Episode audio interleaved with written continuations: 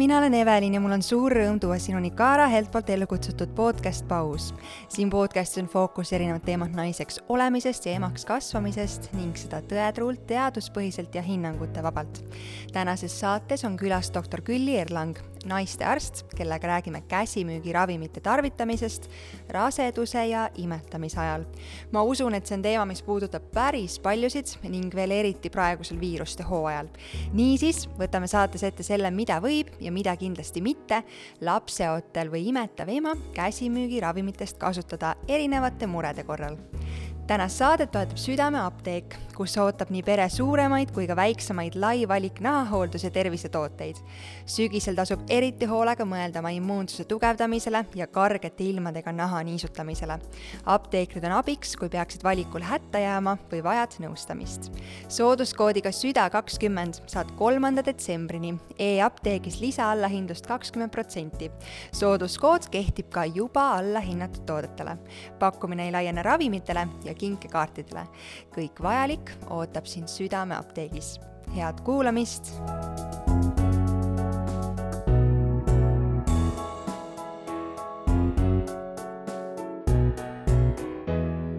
tere, Külli! tere! sa oled naistearst. jah, umbes kakskümmend aastat. tänase saate fookuses on rääkida raseduse ja imetamise ajal äh, käsimüügiravimite kasutamisest ja ka vaktsineerimisest. Ja naistearstidel ma saan aru, et äh, on ravimite osas äh, teadmised ja te oskate suunata oma patsiente äh, erinevate murede kolla, korral erinevaid lahendusi otsima, aga oma töös tegelikult täna sa oled keskendunud kahele asjale. Jah, ma umbes poole oma igapäevatöös tegelen rasedate ultraheliga ja siis teise poole tegelen ma viljatusraviga ja sinna lisaks ka valvetööga. millest need kaks valikut lihtsalt huvi pärast, mis need on, millest need on tulnud? see on ajaga lihtsalt välja kujunenud. kas see on miski see... nagu südame selline kutse, et sa pead kuulama, mis ise nagu, mis teemavaldkond kõige rohkem endale huvi pakub või kus sa saaks ikkagi suuremat väärtust luua? eks need äh, valikud lähevad ühelt poolt, mis sind huvitab, teiselt poolt, äh, mida parasjagu vaja on ja siis nad ka muutuvad, et kord teed sa ühte asja natuke rohkem ja siis teist asja. et me väga, väga paljud me naistearstid ju me teeme väga mitut asja paralleelselt. kas see on, hoiab sellist teatavat põnevust äh, igapäevatöös äh, või, või pakub raskusi ja väljakutseid ka vahel? eks ta on põnevust ka hoiab, aga teistpidi, kui sa ka töötad äh, valvetes ja valvetööna, et siis sul ongi vaja natuke laiemat pilti mm., mitte ainult väga-väga kitsast äh, vastuvõtuspetsialiteeti. arusaadav. tänase saate teema juurde tulles ähm,, kas äh, imetavaid emasid ja rasedaid võetakse ravimite puhul ühe mõõdupuuna või on neis ka erinevused äh, mi- mis tahes ravimite puhul, kes mida kasutada tohib? Iseenesest äh, neid võetakse erinevalt üle selle, et kõikidel ravimitel, kui nüüd lugeda neid infolehti ja neid äh, ravimite omaduste kokkuvõtteid, siis tegelikult antaksegi info eraldi, et see ravim raseduse ajal, äh, kas ja kuidas ja mismoodi seda võib kasutada ja ravimi imetamise ajal. et on väga palju ravimeid, millel ei ole erisusi, et nad on lubatud nii rasedusega kui imetamisega, aga on ka ravimeid, kus on erinevused ja, ja mida tuleb siis arvesse võtta. millest see üldse tuleneb, et äh, väga paljud äh, ähm, kas siis ei ole lubatud või ei teata seda, kas äh, need ravimid on ohutud või ei ole, kas see on sellepärast, et testitud on vähe neid selle äh, grupi naiste peal või, või millest see tuleneb, et väga paljusid ravimid, nagu info puudub nende kohta? Nende ravimite mõttes tegelikult on Ameerika Ravimiamet, FDA siis mm, -hmm. tegelikult äh, arvutanud umbes kokku, et meil on selline väga hea info ja tõenduspõhisus võib-olla kümne protsendi ravimite kohta. ja väga paljude kohta me ei saa öelda, et ta on lubatud või mitte lubatud üle selle, et ühtegi ravimit ju spetsiifiliselt rasedate naiste peal katsetatud ja uuritud ei ole, et väga sageli see ravim tuleb äh, turule ja siis ühel hetkel tekib see kogemuslik kasutamine, et on naisi, kes on kogemata kasutanud, on naisi, kellel tervis nõuab, ehk me võtame teadlikult selle riski, et me väga täpselt ei tea, mis see ravim teeb, aga meil ei ole ka muud valikut mm. -hmm väga, on ravimeid, mille puhul ka need toimemehhanismid ja need viisid, kuidas ta organismis toimib, et sealt saab eeldada ja tuletada, et kas ta võiks olla ohtlik, kas mitte.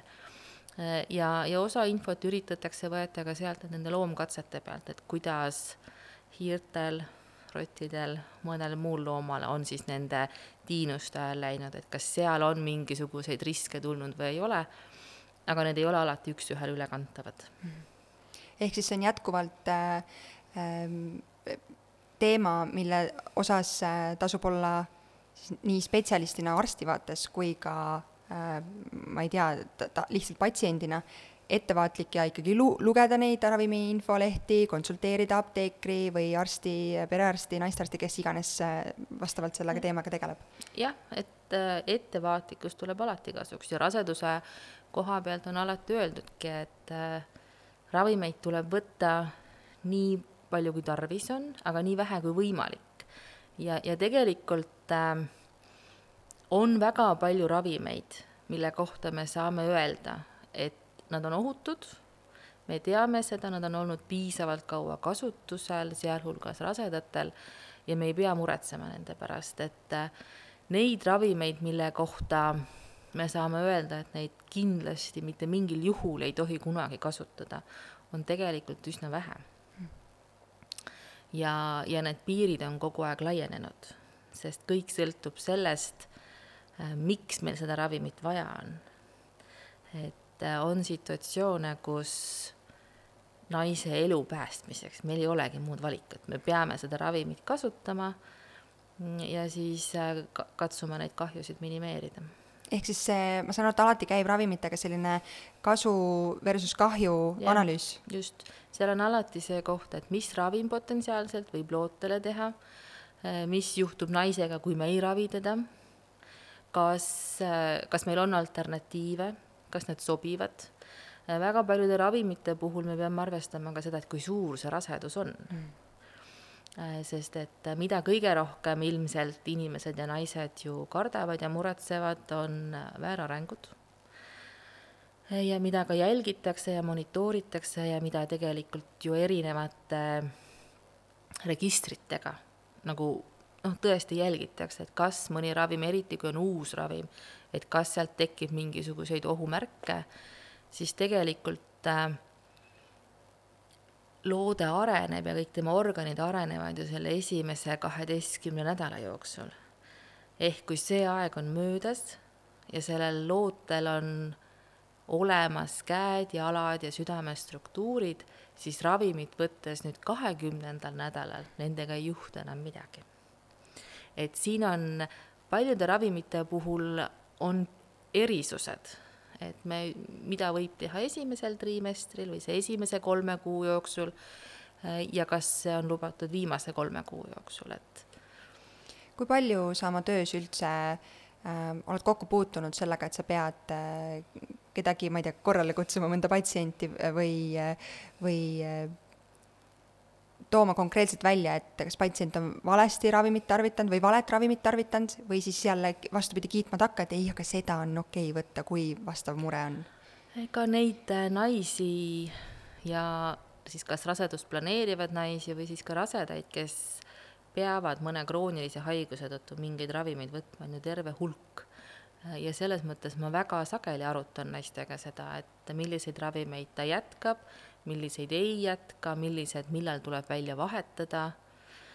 et, et see on tegelikult väga sage ja see on ka üks äärmiselt oluline asi, et äh, kõik need naised, kes, kellel on mingi krooniline haigus, kes võtavad igapäevaselt mingeid ravimeid, nad peavad oma rasedust planeerima ja nad peavad sellest rääkima oma raviarstile.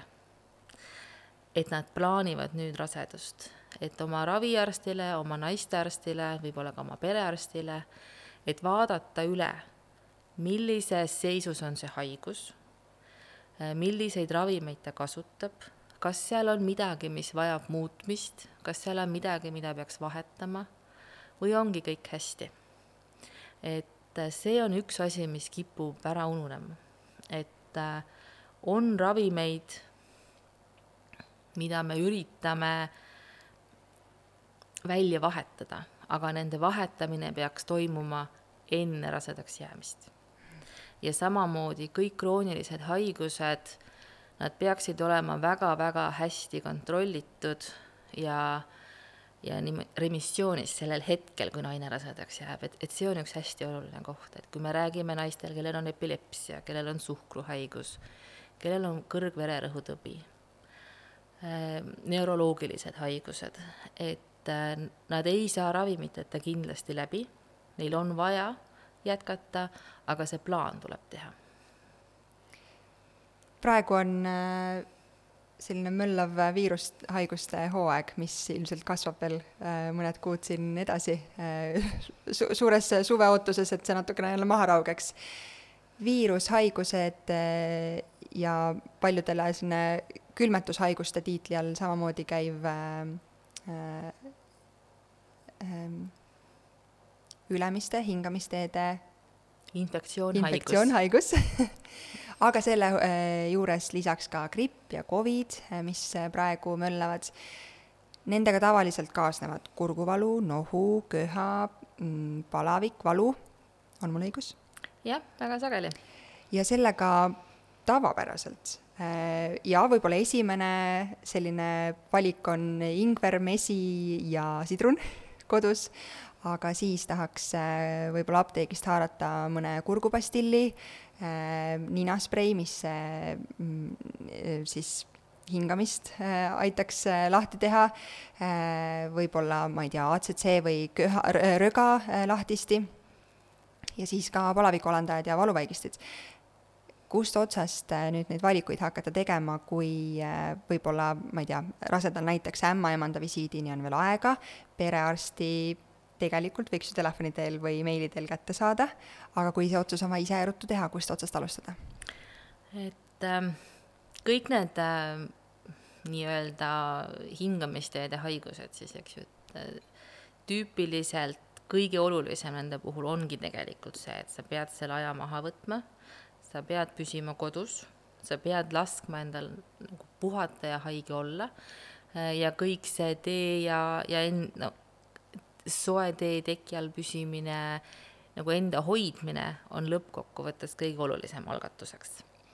kui nüüd äh, tuleb palavik ja, ja raseda puhul me ütleme, et palavikku võiks alandada, kui see on kolmkümmend kaheksa kraadi ja kõrgem, siis raseda esmavalik palaviku alandamiseks on paratsetamool. paratsetamooli müüakse väga erinevate nimede all ja paratsetamooli on ka nii-öelda nende gripiteede sees, mida on eri, ka erinevate nimede all apteegis müügil, nii et väga täpselt tasub vaadata, mida te võtate, et üledoosi ei saaks. ja reeglina üks täiskasvanud inimene peaks paratsetamooli võtma tuhat milligrammi ehk ühe grammi korraga. ja võib seda siis võtta kolm-neli korda päevas, niimoodi kuuetunniste vahedega e valu mõttes e, on rasedale kuni sinna kahekümne teise nädalani tegelikult lubatud ka ibuprofeen, mida ka müüakse apteekides väga erinevate nimede all. et jälle peab vaatama, et ei võtaks äh, erinevate firmade erinimelisi preparaate ülemäära palju. aga ka ibuprofeen on lubatud, kui on tugev valu, peavalu, mis kaasneb sagedasti selliste noh, külmetushaiguse või infektsiooniga ja, ja ka palavikuga et ja ka seda ibuprofeeni nelisada milligrammi on see tavapärane annus, neli korda päevas võib võtta ma korraks hüppan kõrvale, kuna see valu juba jutuks tuli, siis äh, kui me räägime valust, ma ei tea, mind näiteks esimesel trimestril väga kimbutasid peavalud. Ja ma teadmatusest, kuigi teades, et paratsetamooli on okei okay võtta, siis mul oli selline trots, et ei, ma ei taha mitte midagi, ma püüan ise sellega hakkama saada, kuni ma lõpuks sain aru, et see, et ma kogu aeg olen selles valus ja selles stressis ja ma ei liigu selle pärast ja ma ei suuda süüa selle pärast, potentsiaalselt see on lootele palju kahjulikum kui see, et ma võtaksin selle paratsetamooli. E, e, ma kuulen esimest korda, et äh, ibuprofeen valuvaigistina on ka äh, jaa, ta on, jaa, ta on aktsepteeritud, aga jälle teatud maani mm. -hmm. raseduse teises pooles me tegelikult ei soovita seda võtta. hästi.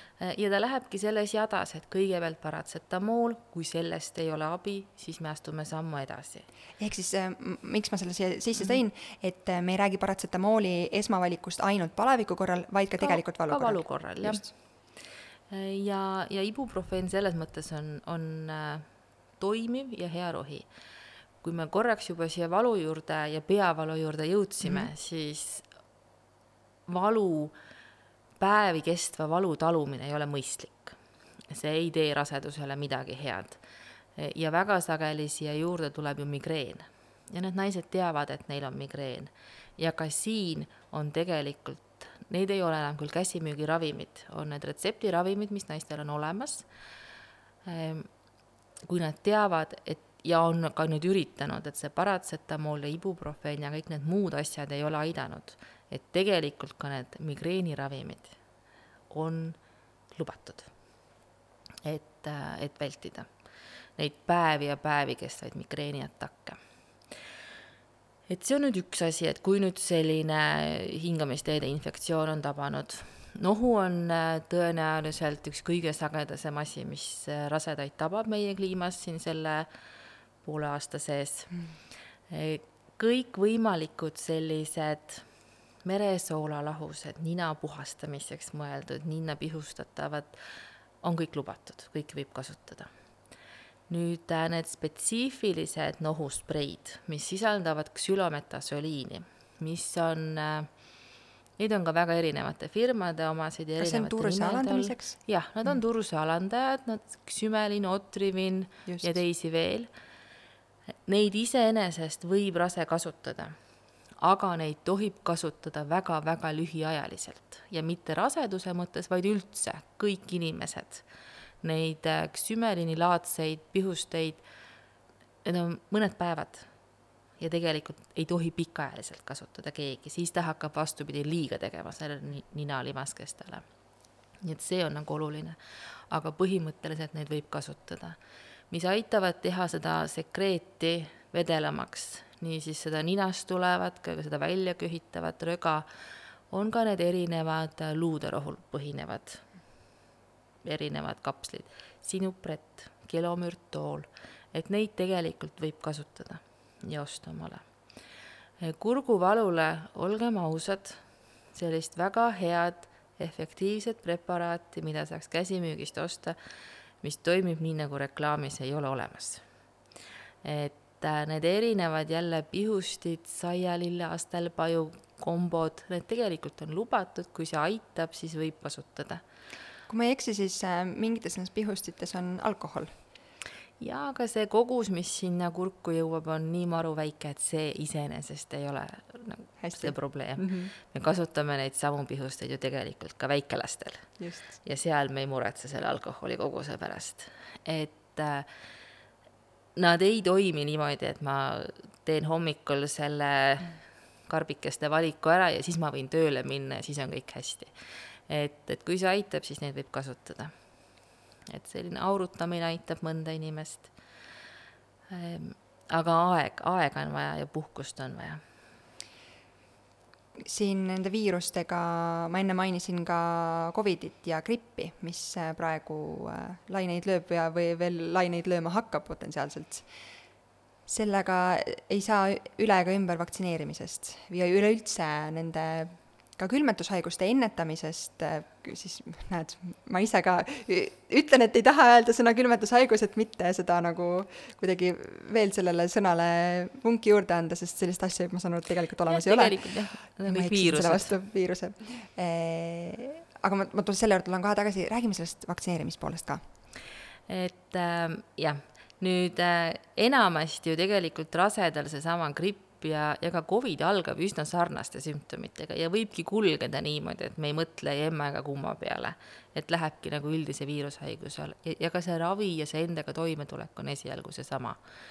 nüüd grippi on võimalik äh, ennetada ja see gripivaktsiin on vana, pikka aega kasutusel olnud, teda küll igal aastal ju uuendatakse, et nende tüvede suhtes, mis eeldatavasti hakkavad levima. Ja gripi kohta on väga selge soovitus Eestis aastaid olnud, terves maailmas, et kõik rasedad gripihooaja alguses peaksid ennast vaktsineerima. see on ohutu, see väldib äh, ei saa öelda, et ta väldib gripi haigestumist sada protsenti, päris kindlasti ei väldi, aga ta väldib ikkagi seda rasket haigust, sest gripp võib olla väga-väga raske haigus äh, ja ka eluohtlik haigus. et äh, ja nüüd teist aastat on tegelikult gripivaktsiin rasedale ka tasuta. et nii perearsti juures, äh, apteekides, vaktsineerimiskabinettides saab teha. igas raseduse suuruses on ja. see soovituslik? et kui on gripihooaja algus, ehk siis nüüd praegu see oktoober, november, siis tegelikult sõltumata sellest, kui suur see rasedus on, äh, peaks rase selle gripivaktsiini endale tegema. Ja ta kaitseb tegelikult sellega nii ennast ja, ja ka oma sündivat last, sest need antikehad, mis rasedal tekivad, liiguvad läbi platsentaga lootele. ja, ja kui see laps nüüd sünnib siin selle gripihooaja keskel, siis on tal mõningane kaitse selle vastu me tegelikult ei suuda ju kogu gripihooaja vält-, vältel või siis kuni kevadeni olla isoleeritud, et me selle ema ja vastsündinu isoleerime, et ta kindlasti kokku ei puutuks, see ei ole võimalik. ehk, ehk see gripivaktsiin kaitseb mõlemat, nii rasedat raske haigestumise eest kui ka seda loodet. Covidi vaktsiin on ka rasedale igatepidi ohutu Äh, ja, ja võib kasutada. Äh, ja kui meil olid need Covidi eelnevad tüved, siis ta oli ka sügavalt soovitatud. Äh, praegu on Covidi vaktsiiniga see soovitus, et kõik need inimesed, kellel on mingisugused kroonilised haigused, mis võivad raskendada Covidi kulgu, sealhulgas siis ka rasedad, peaksid vaktsineerima. et hoida jälle, ta ei kaitse haigestumise eest aga ta väldib sellist väga rasket Covidi kulgu. ja, ja, ja need kindlasti peaksid vaktsineerima eh, krooniliste haigustega rasedad, immuunpuudulikkusega rasedad, mingit immuunravi saavad rasedad, eh, võib-olla ka mitte enam nii noored rasedad ja, ja see noh, neljakümnest alates, kus see risk on suurem, et see haigus võib kulgeda väga raskelt ja tegelikult äh, väga palju riike soovitab teha rasedale selle gripi ja Covidi vaktsiini enam-vähem korraga ära. Kas me räägime nendest samadest soovitustest ka imetavate eemade puhul? jah, et äh, ka laias laastus tegelikult ju me gripivaktsiini soovitame kõigile igal sügisel ja imetamine ei ole üldse vastunäidustus, et äh, imetamisega me last nii palju ei kaitse, me kaitseme last üle selle, et kui need last ümbritsevad inimesed on vaktsineeritud ja nad ei too seda haigust koju, siis see laps ei saa ka haigestuda. Aga läbi rinnapiimase antikehade levik nii palju hea nüüd ei ole. et, et me saaks öelda, et siis me ikkagi kaitseme seda imetavat ema, et ema püsiks terve. ja ka siin kehtib täpselt seesama, et äh, kõik, kellel on mingisugune haigus, mis võiks äh, tüsistada Covidi kulgu, peaksid vaktsineerima ma ise tunnen, et minust oli äh, väga vastutustundetu minu enda hinnangul ja iseendasse vaadates äh, jätta eelmisel aastal ähm, gripihooaja alguses ennast vaktsineerimata, kui mu laps oli mõnekuune. ma isegi, ma ausalt ei tea, äh, miks ma seda ei teinud, mis lõppes sellega, et jaanuarikuus, kui laps oli viiekuune äkki, ma päris ausalt arvasin, et ma suren ära. ma ei ole mitte kunagi elus nii haige olnud ja ma ei taha mitte kunagi elus nii haige enam olla ka. Ehm, ka mu laps jäi haigeks, aga õnneks äh, siis antikehad ilmselt, mis ta sai äh, tänu imetamisele ja äh, profülaktiline antibiootikumi ravi, mida sai nii laps kui abikaasa, hoidsid neid, et mina olin ainus, kes seda, seda väga ma saan aru, et raske on suhteline mõiste, ma ei räägi siis raske selles osas, et raskelt äh, põdes, et ma haiglaravi vajasin, aga aga see kodune, just, see oli ikka, see oli, see oli karm ja mm -hmm. ma mhm. tõesti sellest lähtuvalt see aasta sai gripivaktsiin kiiremas korras tehtud. aga mul on tunne, et kuidagi grippi alahinnatakse. jah, me ilmselgelt alahindame ja kindlasti ja väga paljud inimesed põevadki grippi väga kergelt, et ei ole suurt midagi, ongi selline nii-öelda tavaline haigus, aga, aga ta võib kulgeda väga vastikult. Äh, siin on ka see teine pool, et äh, see ravim, mida ilmselt laps ja mees said, ei olnud antibiootikum, vaid on, on spetsiifiline gripivastane ravim.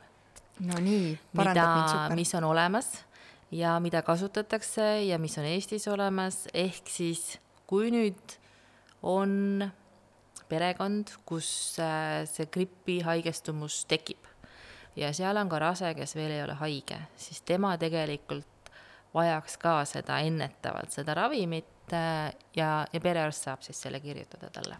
Aitäh, et sa parandasid, see kõlab õigesti, ilmselt nii oligi. et need on, on olemas täiesti spetsiifiline gripivastane ravim mida siis kasutatakse.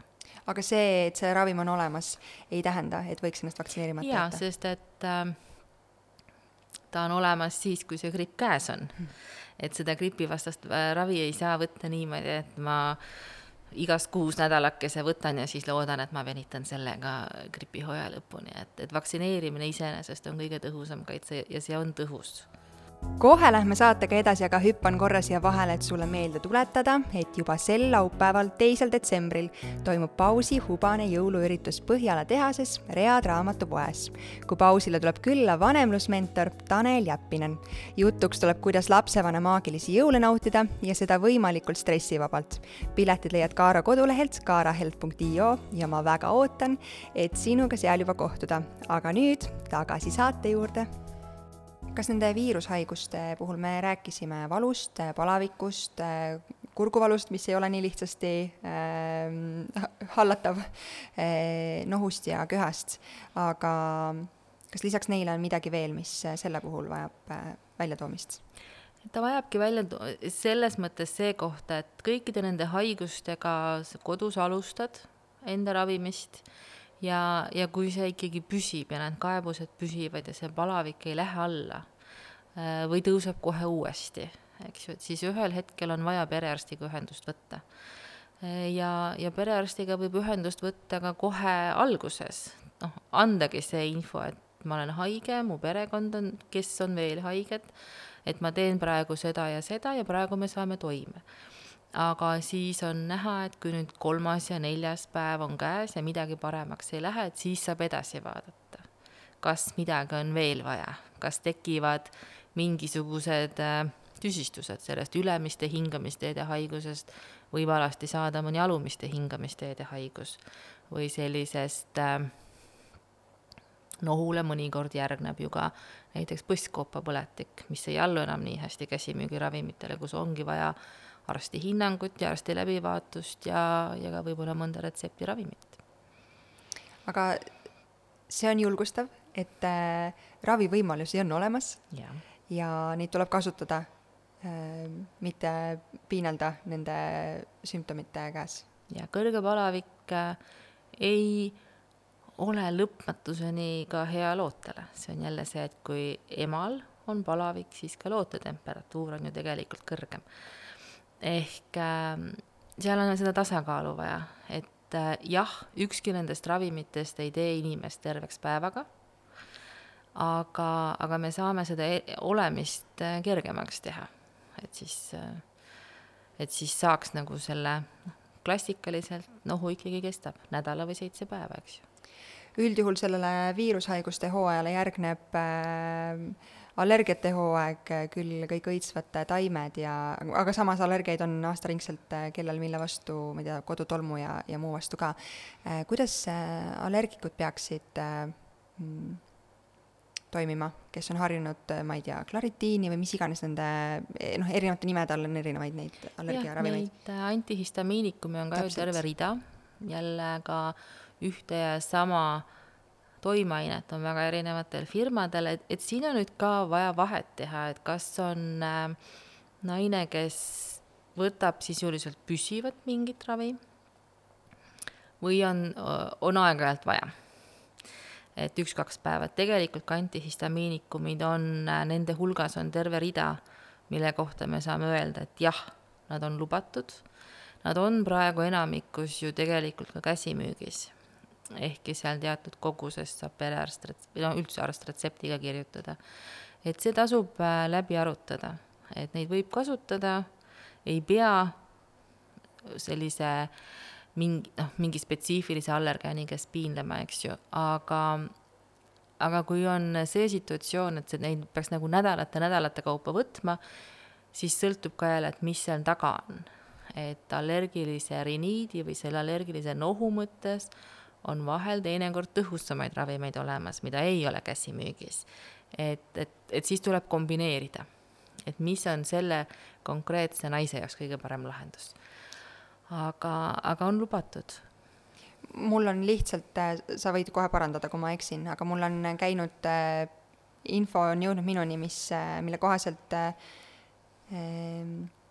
mingid allergiaravimid ja samamoodi ka äh, me rääkisime enne nohu korral ninaspreidest mm, -hmm. et need pärsivad piima tootmist siis ma räägin just imetavate emade jah, imetavate emade mõttes on leitud, et see ninasprei see ksülometasoliin ja see pseudoefedriin, mis seal sees võib olla, et nad võivad pärssida mõnevõrra piimateket, ninasprei küll sealt imendumiseni jõuab väga väike kogus, et see efekt on nagu olematu.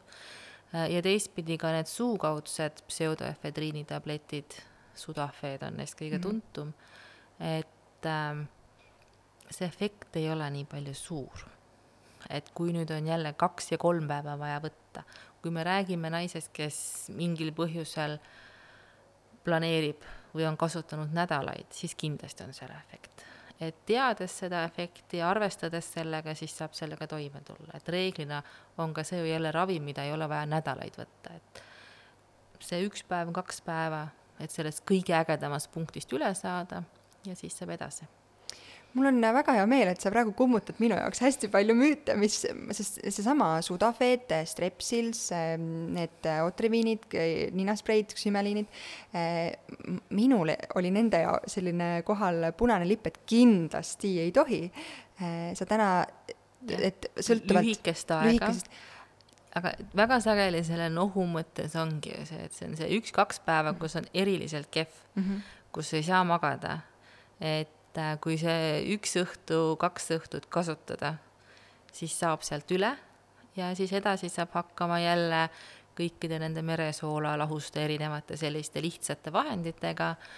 Äh, aga, aga sellest see üks-kaks päeva on tegelikult okei okay.. kellega koos või kelle ähm,, mm, kellega konsulteerida? äh, noh, laias laastus kõik sellised äh, haigestumised lähevad ju perearsti ja põe, pereõe äh, nagu toimetamise alla mm. -hmm. et see on üks koht. Äh, teine koht alati siis oma ämmaemand, eks ju.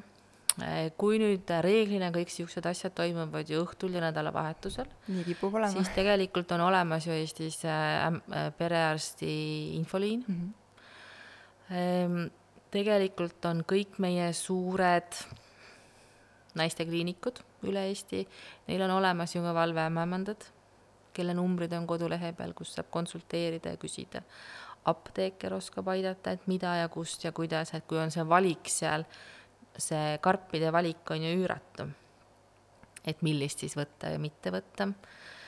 et äh, minu haiglas on tegelikult ju tööpäeval ka selline ämmaemanda nõuandetelefon ongi kaheksast neljani ja ämmaemand vastab, jälle kod-, number on olemas, et äh, ja, ja see ei ole see, et äh, see ei ole siis sinu ämmaemand, kui, kuna noh, kui on meie rase, siis ämmaemand näeb tema juhtu mm, -hmm. eks ju, aga nõu võivad küsida absoluutselt kõik rasedad, sõltumata sellest, kus nad on või ei ole, et äh, oma nagu lahendust, et mi, mis teda vaevab. ehk siis ikkagi tasub konsulteerida? tasub küsida, tasub rääkida et kui on see mõte, et kas ja kus ja mida, et siis tasub aru pidada. lisaks eh, viirustele ja mm, valule ja palavikule ja allergiatele äh, kimbutavad rasedaid tihti ka seedeprobleemid, mm, kõrvetised, kõhukinnisus, kuidas nendega toime tulla? Seal algab kõik nüüd ikkagi jälle sellest toitumise osast üllatus, üllatus sa ei teinud midagi lihtsamaks praegu küll. et see toitumise, noh, see toitumise regulaarsus on üks osa, eks ju, et ähm, ja siis see, mida me sööme, jälgimine, et mida me sööme äh,.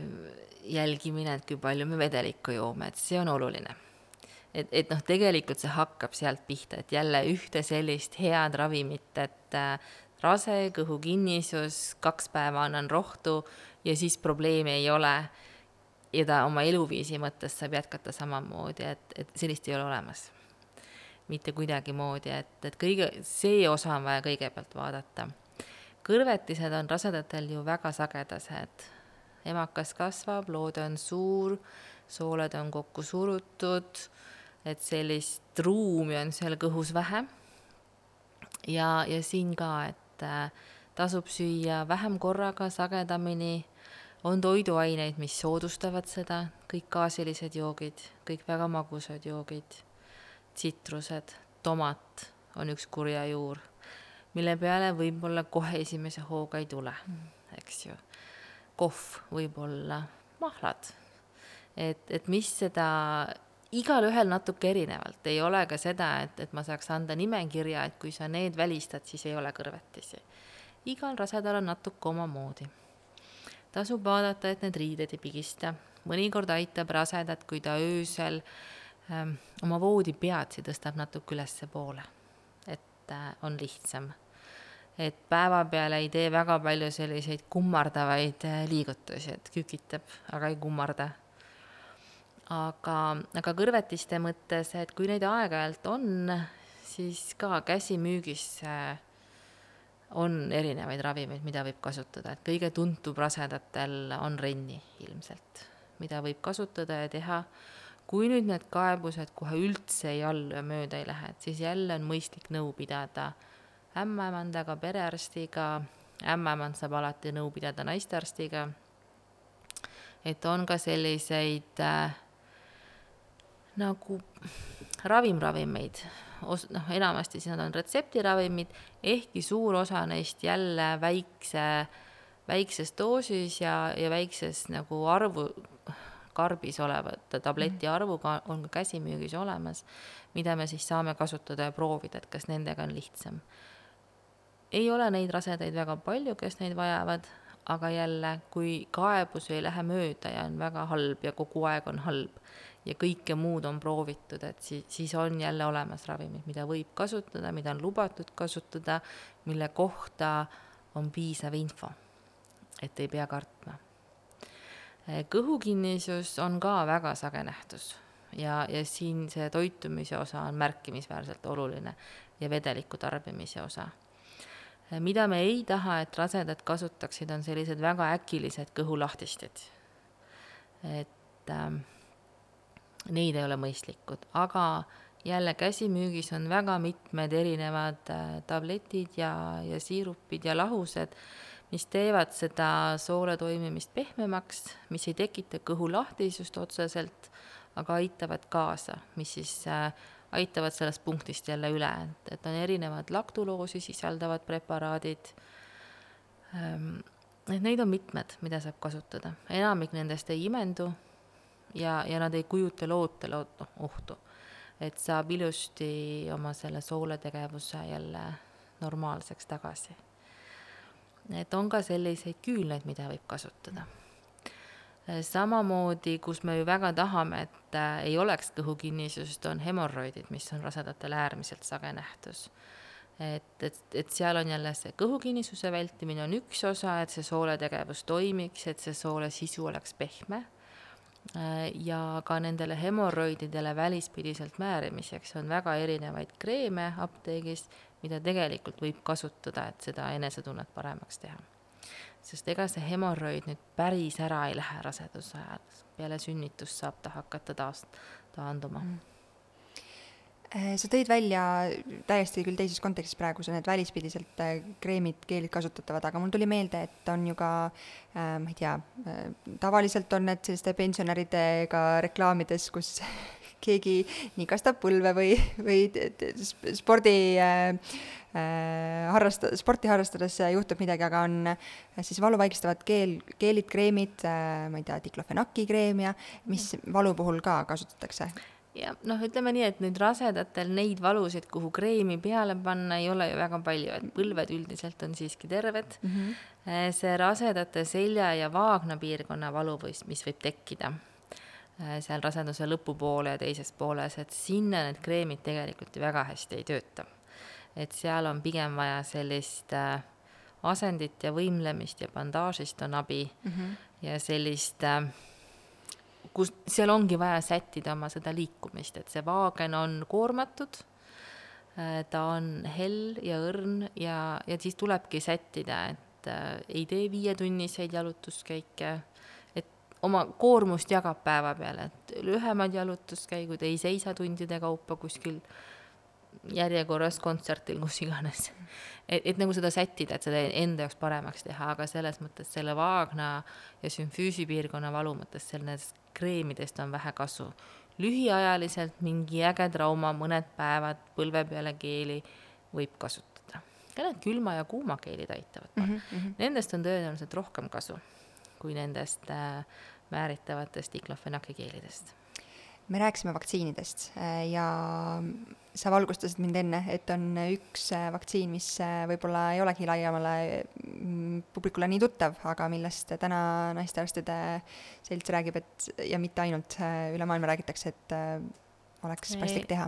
jah, on, on olem-, läkaköha on haigus, mis ju tegelikult sellises klassikalises vormis praegu meil siin ei levi kõik meie lapsed saavad esimesel eluaastal ja kaheaastaselt ja seitsmeaastaselt ja seal umbes kuusteist lägaköha vaktsiini.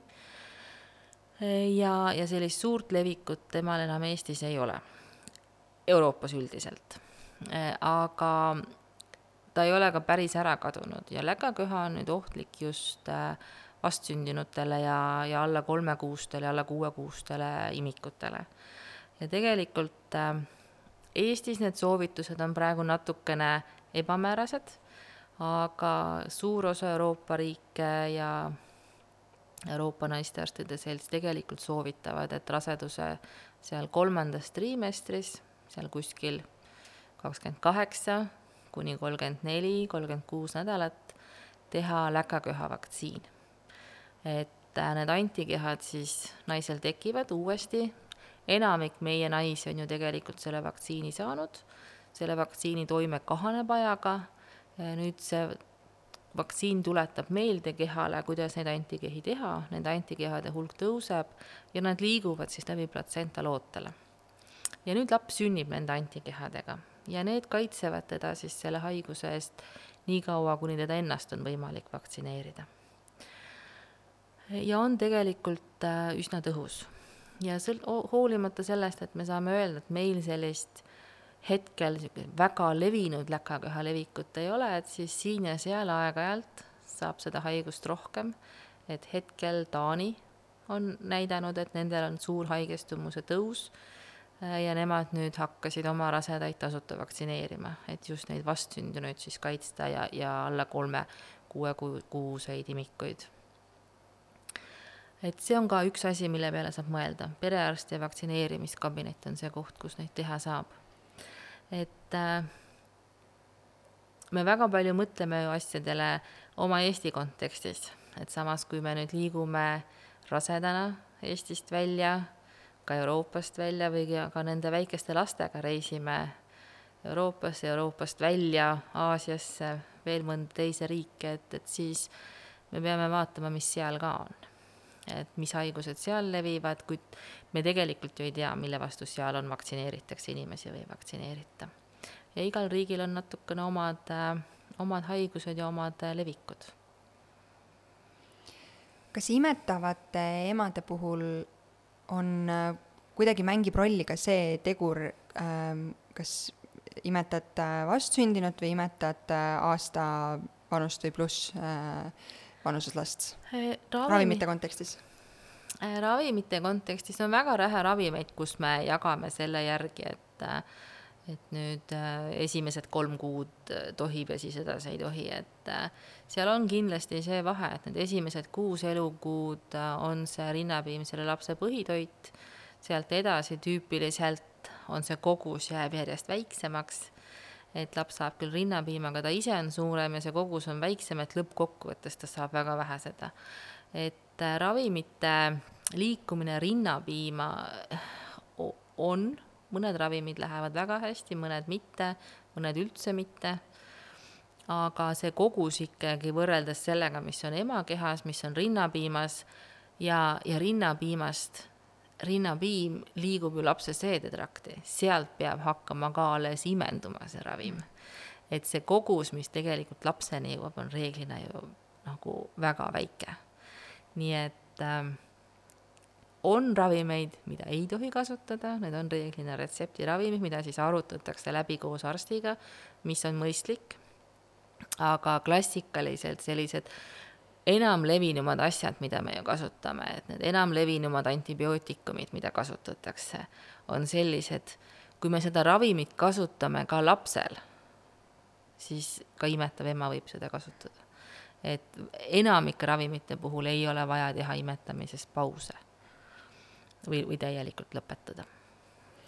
On üks äh, teemade valdkond või, või äh, ma ei tea, ravimiteks nimetada ei saa, vitamiinid, toidulisandid, mis ma siia sisse tahan veel tuua äh,. me oleme saates rääkinud sellest, mida äh, rase naine kindlasti peab vitamiinidena juurde võtma, on foolhape mm,, siis vähemasti ütle nüüd mulle, kui pikalt noh, laias laastus foolhapet peaks hakkama kasutama enne, kui mm -hmm. rasedus tuleb, plaanides, ja, ja vähemalt need esimesed kolm kuud. et, et siis on teda vaja kesknärvisüsteemi arenguks. talvisel ajal tegelikult me kõik vajaks D-vitamiini ka. on väga palju rasedaid, kes tegelikult vajavad raualisandit ühel või teisel viisil ja ega väga palju muid asju, mida kindlasti peaks kõik inimesed võtma, ju tegelikult ei ole. Selle alus on jälle see, et me nende totsikutega ei saa asendada seda normaalset toitumist. reeglina, et äh, kõik naised, kes on läbinud erinevaid äh, maovähenduslõikusi, vajavad teistmoodi vitamiinikombot, mida tuleb jätkata kindlasti ka raseduse ajal. Äh, naised, kellel on mingisugused soolehaigused näiteks või teadaolevad äh, vitamiinide imendamise häired vajavad ka, aga laias laastus ei, ei pea omama kümmet otsikut, kust võtta erinevaid kõikvõimalikke asju. et see toitumine on kõige alus. mis on iseenesest oluline kõikide nende vitamiinide ja toidulisandite ja, noh, nad lubavad ju tõsta immuunsust ja parandada seda ja toda. kui meil on ravim ja ta on käsimüügiravim või retseptiravim, siis seal on olemas selline teatud kontrollmehhanism. kõik, mis on toidulisand või siis selline tervisetoode, seal ei ole sellist kontrollmehhanismi. et äh, väga täpselt peab vaatama, et kus siis neid osta, kus nad toodetud on, kust nad tulnud on. et noh, pari-, kõige lihtsam on see, et kui selles lubatud äh, vitamiinis ei ole lihtsalt midagi sees. aga, aga kui nad tulevad äh, meie mõistes võib-olla nii mitte hästi kontrollitud piirkondadest, mis on ju väga populaarsed, me tellime väga palju asju praegu internetist, me ei tea, kus nad toodetud on, siis, siis tegelikult me ei tea. See võib olla, et seal ei ole üldse seda lubatud asja, seal võib olla, on lubatud asjad küll sees, aga on midagi veel, mida me ei tahaks. ja seda on ka uuritud, et äh, ravimtaimed, mida me kasutame toodeti Hiinas ja nendes preparaatides olid sees kõik need ravimtaimed, mida lubati aga kuna nad kõik olid korjatud tööstuspiirkonnast, siis oli seal ka väga palju raskmetalle ja muid asju, mida me ei oleks tahtnud saada. et selles mõttes peab olema ettevaatlik. et äh, on ravimtaimed, mis on meie piirkonnal iseloomulikud, mida me teame, ja siis on kõik need, mis on mujal piirkondades kasutuses, millest me tegelikult ju väga palju võib-olla ei tea, me ei oska neid oma kontekstis siin kasutada, et et kui üks asi, see, et ühe purgi peal on kirjas, et see on loodusest ja ohutu ja, ja ravimtaimest pärit, et see ei pruugi nii olla. ravimtaim töötab ka sellepärast, et seal sees on mingisugune keemiline ühend, mis töötab. Nii nagu aspiriin sellest pajukoorest leiti mm pajukoor töötas selle pärast, eks ju, jah, see kontsentratsioon on seal väike, aga, aga ravimtaim ei tööta lihtsalt sellepärast, et ta on ravimtaim, tema sees on ka ühend ja seal on potentsiaalselt asju, mida võib-olla ei peaks kasutama. on sellised äh, toidulisandid, mis lubavad ale-, alandada kolesterooli. Ja nad võib-olla teevad ka seda, aga jälle, seal sees on tegelikult sellised ühendid, küll väga oluliselt väiksemates kogustes kui ravimites, aga sellised ravimid, mida me ei anna rasedatele. et see, et ta on toidulisand või ravimtaime tablett või, või mingi kapsel, ei tähenda tingimata, et see on ohutu. et äh, kõige mõistlikum on katsuda süüa ja mitmekesiselt ja liikuda ja toimetada ja võtta neid teatud üksikuid lisandeid, mida me teame, et on tarvis mitte valimatult kõiki. kas on midagi vitamiinidest, mis siis justkui on kontrollitud äh,? ega no, mida ei tohiks? ei, selles mõttes, et äh, meil on ju olemas apteegis väga palju erinevaid spetsiifiliselt rasedatele mõeldud vitamiine ja need, mis on meil Eesti apteekides olemas, erinevad, nad on erineva sisaldusega, et seda tasub vaadata, nad on erinevate annustega mõneti aga need on ohutud ja neid võib võtta, eks ju. aga sellised, ähm, ma ei tea, võib-olla see on minu perekonnast kuskilt kaasa rännanud minuga, et äh, kui tunned, et äh, mingisugune mm, kurguvalu või nohu või selline kahtlane olek hakkab ligi hiilima, siis võtad tuhat milligrammi C-vitamiini. C-vit-, jaa, seda võib võtta, aga sellest ei imendub ainult see väike osa, et kõik see ülejäänud tuleb pissiga läheb, välja. läheb raisku nii et selles mõttes see ei tööta, siin oli just nüüd äh, doktor Silmeri artikkel, kes ütleb, et noh, katsuge jagada siis päeva peale seda mm.. Äh, kui palju, ma tegelikult isiklikult arvan, et kui on tunne, et nüüd hakkab tulema mingisugune probleem, et siis sellest C-vitamiinist tõhusam oleks see, et kui nüüd kohe aeg korraks maha võtta. et, äh, et see aitaks rohkem kui loota selle peale, et äh, ma juba tunnen, et on kehv olla, aga mul on vaja täna teha seda, homme toda ja ma veel jooksen selle pühapäeva ka kuskil ringi. Et mõistlikum oleks äh, võtta korraks, äh, tekitada endale natuke rahu. ja, ja siis see asi läheb paremini mööda kui see purgivitamiiniga. kõlab väga mõistlikult Külli, ma olen äh, meeletult tänulik sulle nende jagatud teadmiste eest, sa valgustasid minu jaoks seda maailma täna väga palju ja äh, ma olin enda jaoks selle kuidagi hästi mustvalgelt äh, selle käsimüügiravimite maailma miskipärast äh, lahti selgitanud. Äh,. mul on hea meel, et see tegelikult ei olegi nii mustvalge ja, ja spetsialistidega nõu pidades ja konsulteerides on võimalik alati leida oma muredele lahendused ja, ja veel ennetada on neid kõige parem. Jah, ennetada on hea. Ja, ja seal on, tegelikult äh, võttes arvesse raseduse, raseduse suuruse, selle haiguse, mida me ravime, mida me tahame ära hoida, me tegelikult leiame kõigile mingisuguse lahenduse.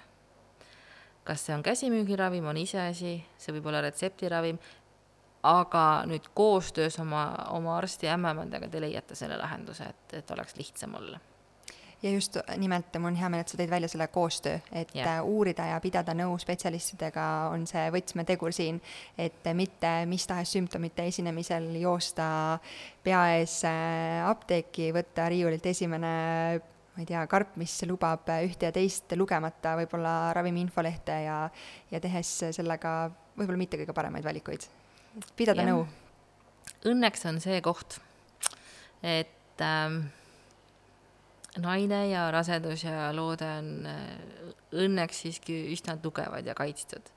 et äh, väga sageli ka see üks hetk, üks tablett, midagi, mida me võib-olla esimese hooga ei soovitaks, ei tekita sellist äh, pöörast kahju, mille pärast peaks muretsema edasise raseduse kuni sünnituseni välja. et, et see on ka hea. Külli, kui palju sa raamatuid loed? ikka loen. milliseid raamatuid sa loed? no see sõltub. erialast kirjandust erialane kirjandus läheb äh, ka, ma üritan ka natuke muud lugeda, ma mm ei ole jõudnud väga palju, aga vahel ikka. mul on hea meel, et äh, pausi tänast saadet toetab Apollo ja ma olen sulle välja valinud äh, kolm raamatut, millest sina saad teha siis äh, ühe valiku, mis sind täna kõnetab mm -hmm. ja ma täiesti niiviisi mõtlesin lihtsalt, et milline mm, -hmm. et hästi erinevad valikud sulle täna anda. selline raamat nagu üks romaan Mees nimega Ove, siis on võib-olla Äh, ma ei teagi, äh, ma, ma ei taha siin tiitlit juurde panna, kas läbipõlemine on kasvav trend või, või vähemasti midagi, mis on väga fookuses praegu, äh, on läbi, läbipõlemise epideemia ehk kroonilise stressi pealetung ja mida me selle vastu ette saame võtta. ja siis võib-olla, ma ei tea, äkki sa oled juba lugenud sellist raamatut nagu Ema aju, värske raamat, võib-olla natukene käib sinu töö ja erialaga. Äh, koos, ehk siis äh, kuidas, äh, kuidas emaks kasvades ajutegevust ümber struktu-, ehk siis emaks kasvamine ajutegevust ümber struktureerib ja, ja kuidas see meie igapäevast elu ja arusaamist ümbritsevast maailmast emadel mõjutab, nii et kui siis täiesti kaane järgi teed praegu ühe valiku, siis milline raamat sind täna kõnetab? Vot, hea küsimus. see ongi see, võib-olla teeks täiesti ebatraditsioonilise valiku ja võtakski ühe täiesti meditsiinivälise asja nagu romaani, milleni ei ole ammu jõudnud. no vot, siis äh, Mees nimega Ove ja. on äh, täna sinu äh, valitud raamat ja ma loodan, et äh, sa saad selle hetke võtta ja siis vahepeal kõikidest nendest äh, igapäevaelu, melu ja töötoimetustest äh, siia romaani sukelduda. aitäh sulle, Külli, et sa tulid olge lahked. tšau.